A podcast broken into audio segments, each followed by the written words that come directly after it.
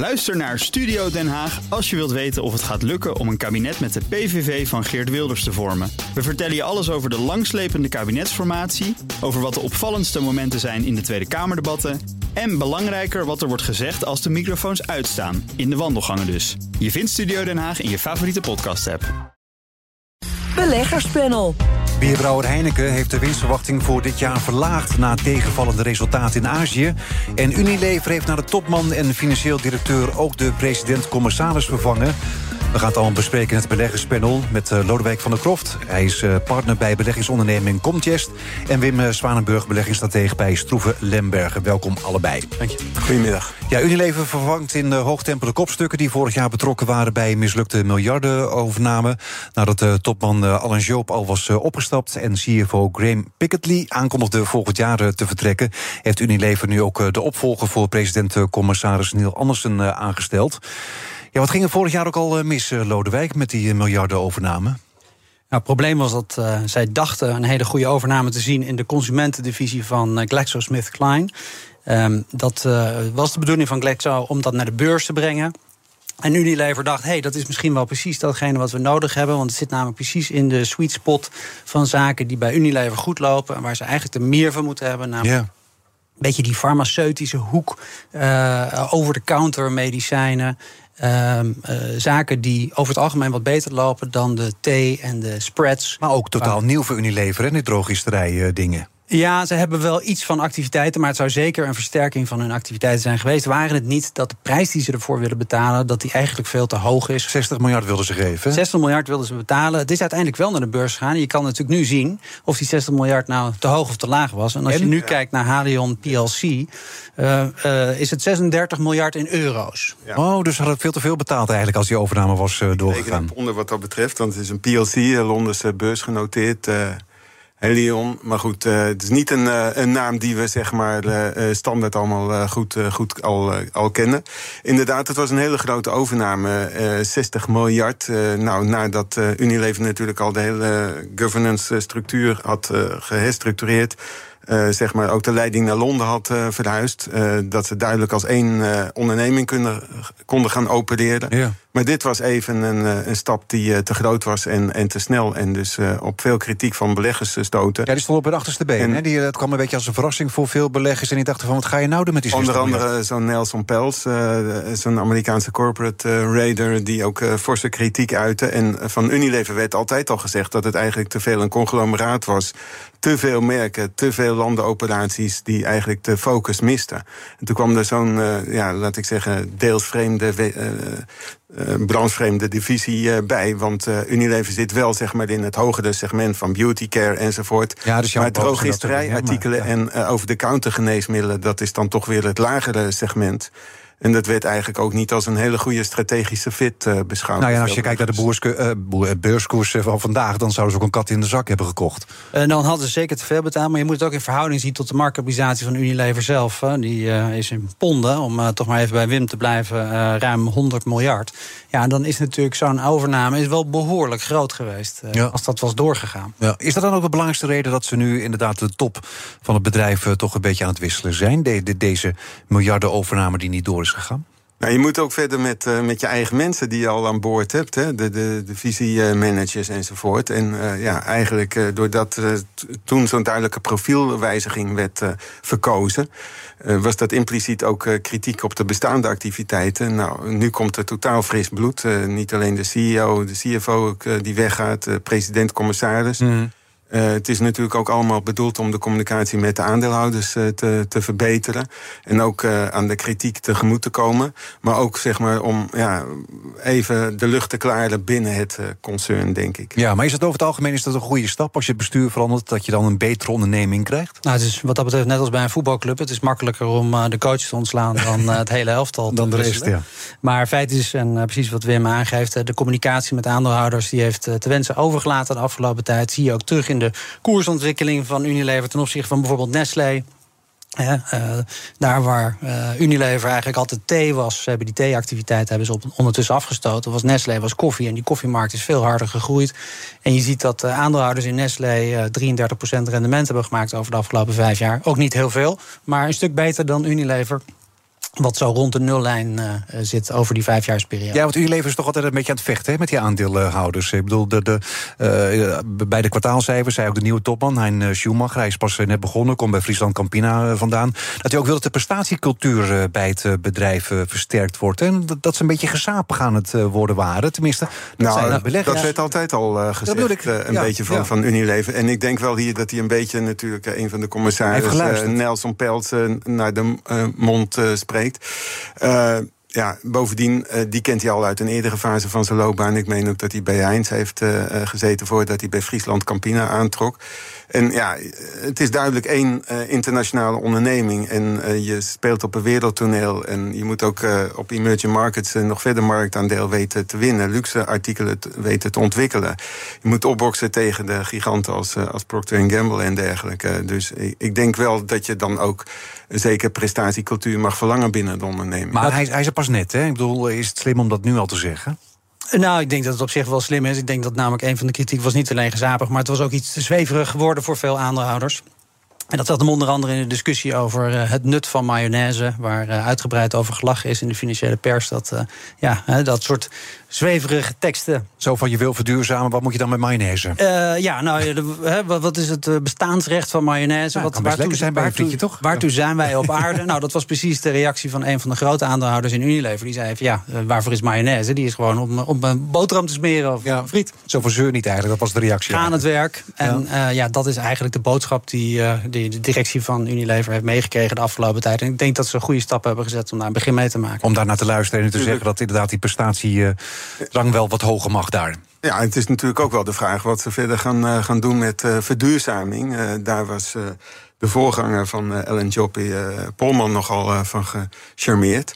Maar hij, Schumacher heeft gezegd van nou voor het einde van, van dit lopende kwartaal, dus voor eind september zal die ook uh, zeg maar nieuwe plannen aankondigen en zijn, uh, zijn ideeën uit de doeken doen. Maar daar heeft hij ook wel gezegd dat ze nadruk op, uh, op verduurzaming zullen nou, ze, ze, willen dat juist gaan aanscherpen. En terwijl je, nou ja, je zegt al, sommige beleggers die verweten Unilever toch dat ze een beetje, een beetje te zweverig. Ja, nou dat was een beetje de social purpose. Ja. Ja. En kijk, waar Unilever echt veel stappen in kan maken, is in het gebruik van plastic en verpakkingsmaterialen. En ook bijvoorbeeld palmolie, wat ze veel gebruiken in hun producten. Ja.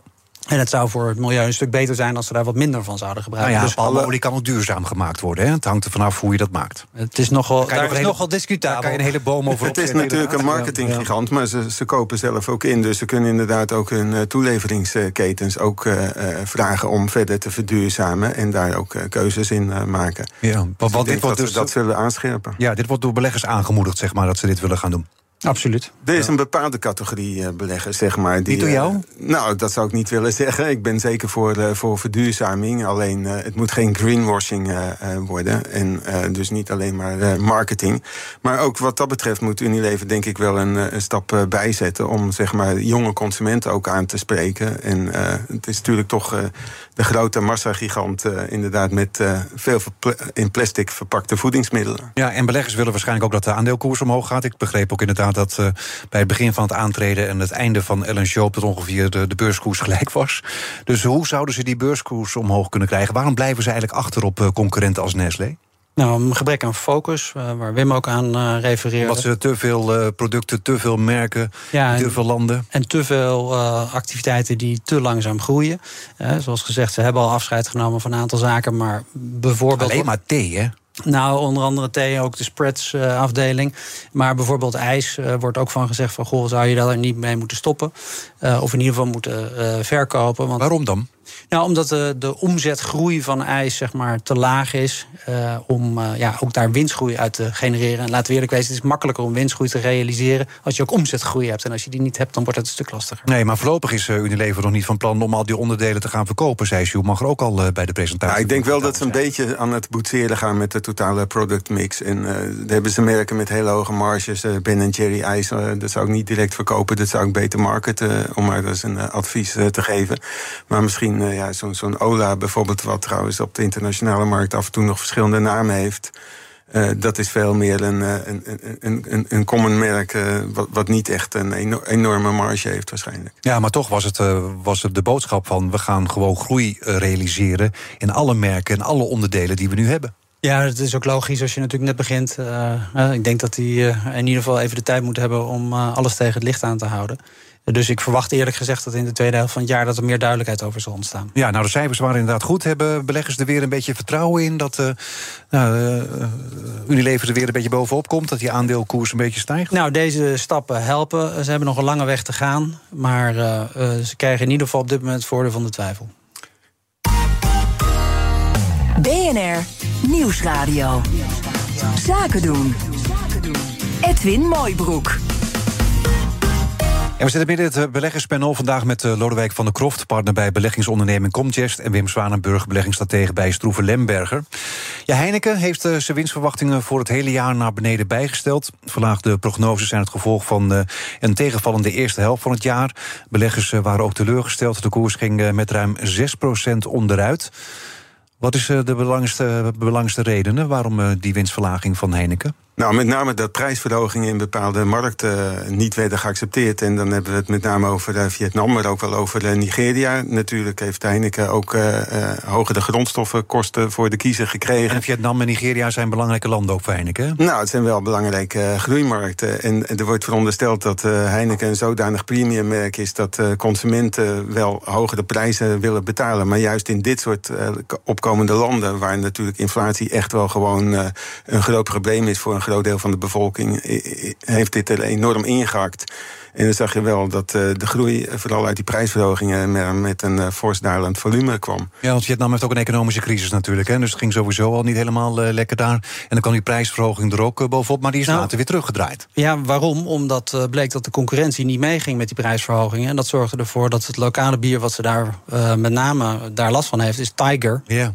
Dus het is niet zozeer het Heineken-merk wat last had van uh, een omzetterugval, maar het lokale uh, Aziatische bier wat, wat ze vermarkten onder Tiger.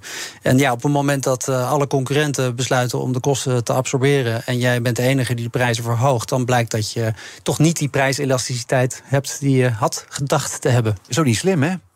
Nou ja, wat, wat ze gaan doen is uh, uh, toch wel de marketinginspanningen op die markt uh, versterken. Dus dat betekent ook nog een extra kostenpost. En mede daarom heeft Heineken toch de prognoses neerwaarts bijgesteld. En maar dat werd ook, afgestraft. Maar ik begreep ook juist dat ze niet hebben zien aankomen dat het in Vietnam zo slecht zou gaan. Want ja, daar is het met 13,2% is de bierverkoop gedaald. Ik heb wat analistenrapporten nagekeken, ook van het afgelopen half jaar. En er waren er toch wel verschillende analisten op Wall Street die al aanmerkten van dat Vietnam wel een van de probleemlanden zou kunnen worden. Inderdaad, wat je ook schetst, dat de macro-economische omstandigheden vanuit Japan, de exporten vanuit Azië naar de westerse markten toch wel wat tegenvielen. Maar uh, de schok is wel groter geworden. Je moet ook beseffen dat zeg maar, dit een company is die een teleurstellend resultaat meldt. Terwijl het kwartaalresultatenseizoen in de brede genomen eigenlijk erg goed is. En waar veel kwartaalcijfers hoger uitvallen dan analisten hadden verwacht. Dus de tegenvallers worden dan afgestraft en men geeft, spreekt duidelijk een voorkeur uit. Ja, waarom is Heineken eigenlijk zo groot in Azië? Nou, ze halen ongeveer een kwart van hun EBIT, uh, dus de, de, operationele winst, halen ze uit Azië. Uh, dat komt uit die activiteit van Tiger, die ze jaren geleden ooit een keertje hebben overgenomen. Dat is een hele succesvolle activiteit van Heineken. Ja. En populair ook daar? Het is populair, maar wat ze vooral. Ze zien het vooral als een opstapje, zeg maar, eerst naar bierconsumptie. Want dat is niet noodzakelijkerwijs, zeg maar, heel logisch in bepaalde Aziatische landen. Nee, bij ons en is de uitdrukking uh, biertje doen, maar dat doen ze daar niet. Daar is het koffie doen, hè? Ja. Um, in ieder geval is de bedoeling dat vervolgens, uh, naarmate de middenklasse uh, groter en welvarender wordt, dat consumenten opschuiven naar het premium Heineken-merk. En dat is de hele strategie van premiumization die Heineken nastreeft. Ja, en ze hebben natuurlijk ook niet alleen maar in Vietnam, maar ook in de, de rest hebben ze de prijzen moeten laten stijgen. Ze zien nu wel een einde aan die ergste prijsstijgingen. Zal dat, zal dat ook te maken hebben uh, ja, dat die prijsstijgingen inderdaad te veel drukken op de afzet?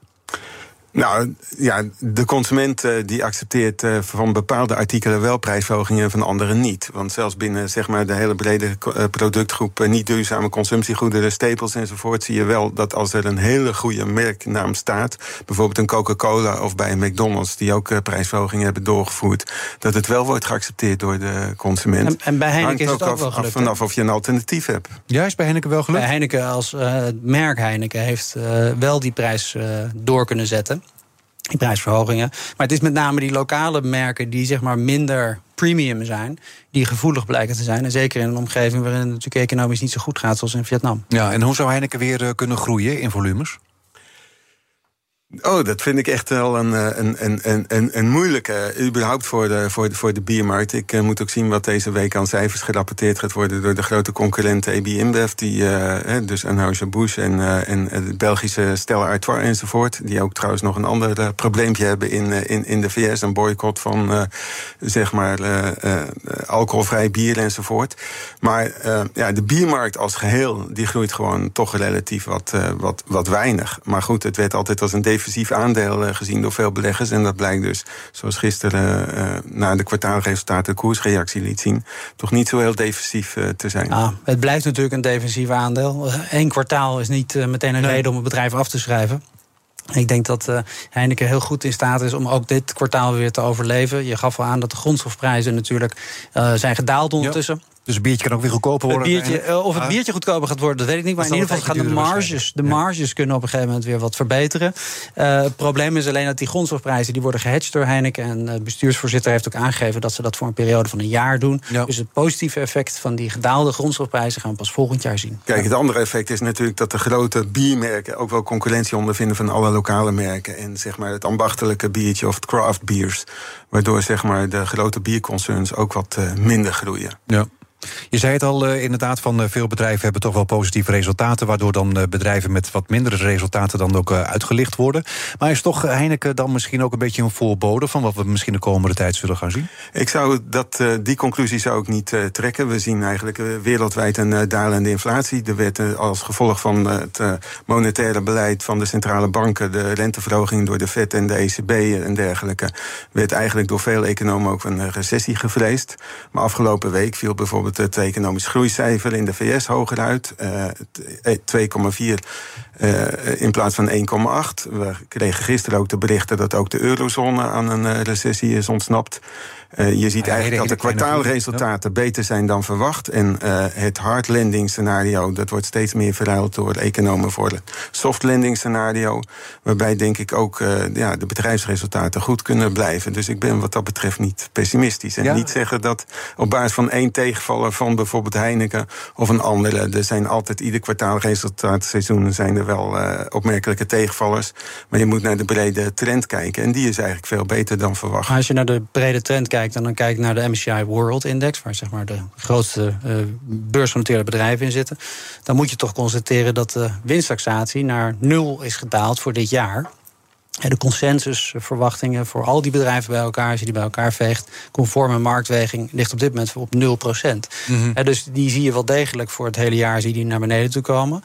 En ja, dat is voor het eerst sinds uh, wel weer enige tijd dat we onder die nullijn uh, gaan zitten. Dus die, die, die taxaties die worden dus wel, wel overtroffen. Beleggers kijken veel meer 12 maanden vooruit. En dan zie je eigenlijk als je ook kijkt naar het kwartaal op kwartaalmomentum dat later dit jaar, zowel voor, voor de Europa, bijvoorbeeld voor een stok 600 uh, index companies als voor de S&P 500 companies eigenlijk het winstmomentum toch wel weer uh, aantrekt. Ja, dus jullie ziet veel geen negatieve beurssentimenten. Nou ja, ik noem eentje, bijvoorbeeld Mike Wilson van Morgan Stanley, uh, een van de prominente beren op uh, Wall Street. Die heeft afgelopen weekend ook zijn tune gewijzigd en zingt niet langer het negatieve deuntje, maar heeft nu duidelijk ook gesproken over zelfs een 2019 rally. Ja, nee. ja, daar zou ik toch wat voorzichtiger mee willen zijn. Uh, uh, MSCI Europa is plus, wat negatiever. plus 11% year to date. Uh, Amerika is 20% hoger.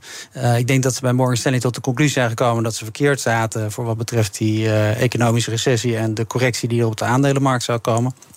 Maar ik zou het te, te, prematuur vinden om te denken dat we de afgelopen zes maanden door kunnen trekken naar de komende zes maanden. Kijk, de, de afgelopen zes maanden werd het thema uh, van, van werden markten gedomineerd door één thema, artificial intelligence. En als je ziet hoe zwaar dat weegt op de resultaten, dan is het nog eigenlijk heel weinig.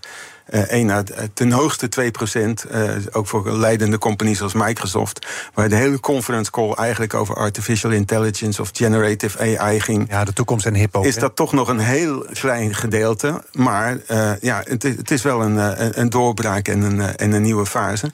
En beleggers kijken vooruit en er zijn wel gunstige perspectieven. Nou, laten we nog even doorgaan over die inflatie. In Duitsland en Frankrijk, twee voornaamste economieën van de eurozone, bereikten die afgelopen maand het laagste punt. Sinds het begin van de Russische inval in Oekraïne. Ja, beleggers gaan er hierdoor ook vanuit dat de druk op de ECB om de rente verder te verhogen afneemt. Denken jullie dat ook? Nou, eh, ik, ook Christine Lagarde heeft afgelopen weekend in uh, speeches uh, gehint erop dat de ECB nu een, pauze gaat inlassen. Nou, gehint, hè? Ik bedoel, ze, hebben, ze heeft gezegd van een verlaging komt er in ieder geval niet. Nee, die is heel duidelijk. Het, wordt, wordt of een pauze of we gaan nog een beetje verhogen. Nee, dat komt omdat de kerninflatie zeg maar toch nog veel te hoog is. Ja, en waar, procent, dat is inderdaad. Waar de centrale bank ook heel sterk op let is wat de loonontwikkeling is. En ook Jerome Powell zal dan naar kijken. Komende vrijdag hebben we weer een hele reeks arbeidsmarktcijfers. De non-farm payrolls, maar ook eh, de gemiddelde uurlonen. En uh, ja, daar zullen, zullen, centrale bankiers toch kijken bij uh, wat de effecten zijn van de krappe arbeidsmarkt. Het is natuurlijk het balanceren, hè, want die krappe arbeidsmarkt betekent ook dat de werkloosheid heel laag is, zoals in de VS bijvoorbeeld 3,6 procent. Uh, de mensen hebben een hele hoge baanzekerheid, of als ze hun baan verliezen, dat ze weer snel een andere baan kunnen vinden. Dus dat betekent ook dat de consumptieve bestedingen op peil blijven. Maar tegelijkertijd wordt de economische groei wat minder afgeremd dan de centrale banken wellicht zouden willen. En uh, ze willen eigenlijk toch terug naar die marge van uh, zo rond de 2 uh, procent. Ja, maar want ik begreep ook al dat sommige beleggers al blij waren met de woorden van Lagarde. Dachten ze van nou, misschien dat het in september dan wel een pauze wordt. Of misschien is de ECB ook al klaar. Maar zie je dat gebeuren, Lodewijk? Nou, dat lijkt mij nog veel te vroeg. de ECB loopt duidelijk achter bij de Fed. de Fed heeft echt een behoorlijke voorsprong genomen met het verhogen van de korte rente. Dus dat zie ik niet zo snel gebeuren. Wat ik wel zie is dat bijvoorbeeld industrieën toch al langere tijd lastig hebben. En uh, dat heeft natuurlijk wel direct te maken met dat eh, ECB-beleid. En ik denk dat de, de, de AI's en alle fantastische verhalen die er natuurlijk ook op de markt te vinden zijn, dat een belangrijk gedeelte van de markt eigenlijk al een soort van recessie inprijst. Mm -hmm. En ja, dat zit dan meer in de chemiehoek. Waarbij je kan afvragen natuurlijk of, of dat soort bedrijven het in deze omgeving heel erg goed kunnen doen. Ja. Maar, maar praat de ECB al niet een beetje te vroeg inderdaad over de, die pauze misschien wel? Ik bedoel, ze, ze doen eigenlijk een soort van vet scenario, hè? Een, een, pauze of misschien al wel stoppen. Terwijl, terwijl we natuurlijk nog ver achter Nou, kijken wat het uh, effect is. Uh, we zien natuurlijk nu wel een uh, behoorlijk neerwaarts effect en, en, ook een, een basiseffect. Hè? Dus de, de energieprijzen die stijgen minder of die dalen zelfs heel fors. maar de voedselprijzen die blijven wel stijgen. Dus, de, nou, en, en dan de core inflation, dus exclusief de volatiele componenten voedsel en energie, die is eigenlijk toch nog steeds uh, de hoog te hoog. Dus ik hou daar ook een uh, slag om, uh, om, om, om de arm. Maar de tendens is wel duidelijk dalend. En ja, de centrale bankiers kijken hoe dit verwerkt wordt door, door de economie en door de industrie. Je ziet wel dat de Duitse economie zit toch wel in een heel moeilijk vaarwater. Franse economie presteerde eigenlijk wat beter. En met name door de samenstelling van het exportpakket. Waarbij natuurlijk, dat is ook voor beleggers van, van belang, de export van luxe merken. Ja, zijn grote verschillen in Europa. Noem maar op. Wel, hè? Dan zie je dat uh, die uh, ondernemingen het ook, uh, ook goed doen. Terwijl bijvoorbeeld de Duitse autoproducenten... die hebben duidelijk de wind tegen. Want die hebben ook wereldwijd een sterkere concurrentie... moeten nog door een hele sterke transitiefase. Ja, inderdaad, modelabel Louis Vuitton hè, zag de omzet 15% groeien. Dus Frankrijk veert daar ook een beetje op mee? Uh, nou, zeker. Uh, maar het geeft ook aan dat uh, dure producten over het algemeen in deze periode het beter doen dan goedkope producten. We hadden het net over Heineken. Ja. Heineken premiumization is geen probleem. Maar hun lokale, goedkopere biermerken hebben er wel last van. En dat is een hele rare, hele rare spagaat. Ja. Waarom komt het dan? Heb je de verklaring voor? Nou, het zegt uh, de, de, de critici op uh, het liberale economische marktmodel waarin wij leven zeggen: ja, dat komt nou eenmaal omdat de mensen die het toch al goed hebben, die hebben al helemaal geen last van eventuele tegenwind. En die kunnen nog steeds die Hermes-tassen kopen. Nou, zit er wat in? Daar zit uh, zeker wat in. Ja. En het is natuurlijk de, de, de massa, als je daar zo van mag spreken, die natuurlijk de pijn eerder voelt. En ja, in de winkel keuzes zal maken die ja, meer prijsgedreven zijn. En voor wie, voor, voor wie het geld te duur is dan? Nou, voor sommige, voor sommige artikelen geldt hoe duurder, hoe meer status. Hè? Dat zie je juist in opkomende landen in China, dat daar uh, die merken en uh, die producten geen last hebben van prijsverhogingen. En dat soms het, het, het tegendeel blijkt. Dus je, je moet heel goed kijken hoe de ondernemingen in elkaar steken, hoe hun geografische mix is, welke artikelen ze hebben, wat de prijselasticiteit is, de relatie met de consument. En sterke merken, dat blijft wel overeind. Ik denk wat dat betreft dat Heineken gisteren ook te hard is afgestraft op, op, op de beurs. Maar het is toch wel een, een punt van, uh, van zorg. Oké, dank jullie wel. Lodewijk van der Kroft, partner bij beleggingsonderneming Comtest... en Wim Zwanenberg, beleggingsstratege bij Stroeven Lemberger. Beleggerspanel wordt mede mogelijk gemaakt door Annexum. Al meer dan 20 jaar de aanbieder van vastgoedfondsen. Dit panel is ook te beluisteren als podcast. Abonneer je vooral even via je favoriete kanaal of via de BNR-app. En zometeen gaan we het hebben over reclamebrancheorganisaties VIA en MWG... die per september willen fuseren. Ook Liesbeth Staats vind je in de BNR-app. Ja, heel handig. Luister live naar Kees en mij tijdens de Daily Move. Dan blijf je ook gelijk op de hoogte van breaking news en het laatste zakelijke nieuws. En daar vind je ook alle BNR-podcasts, waaronder de Perestrooikast. Download nu de gratis BNR-app en blijf scherp.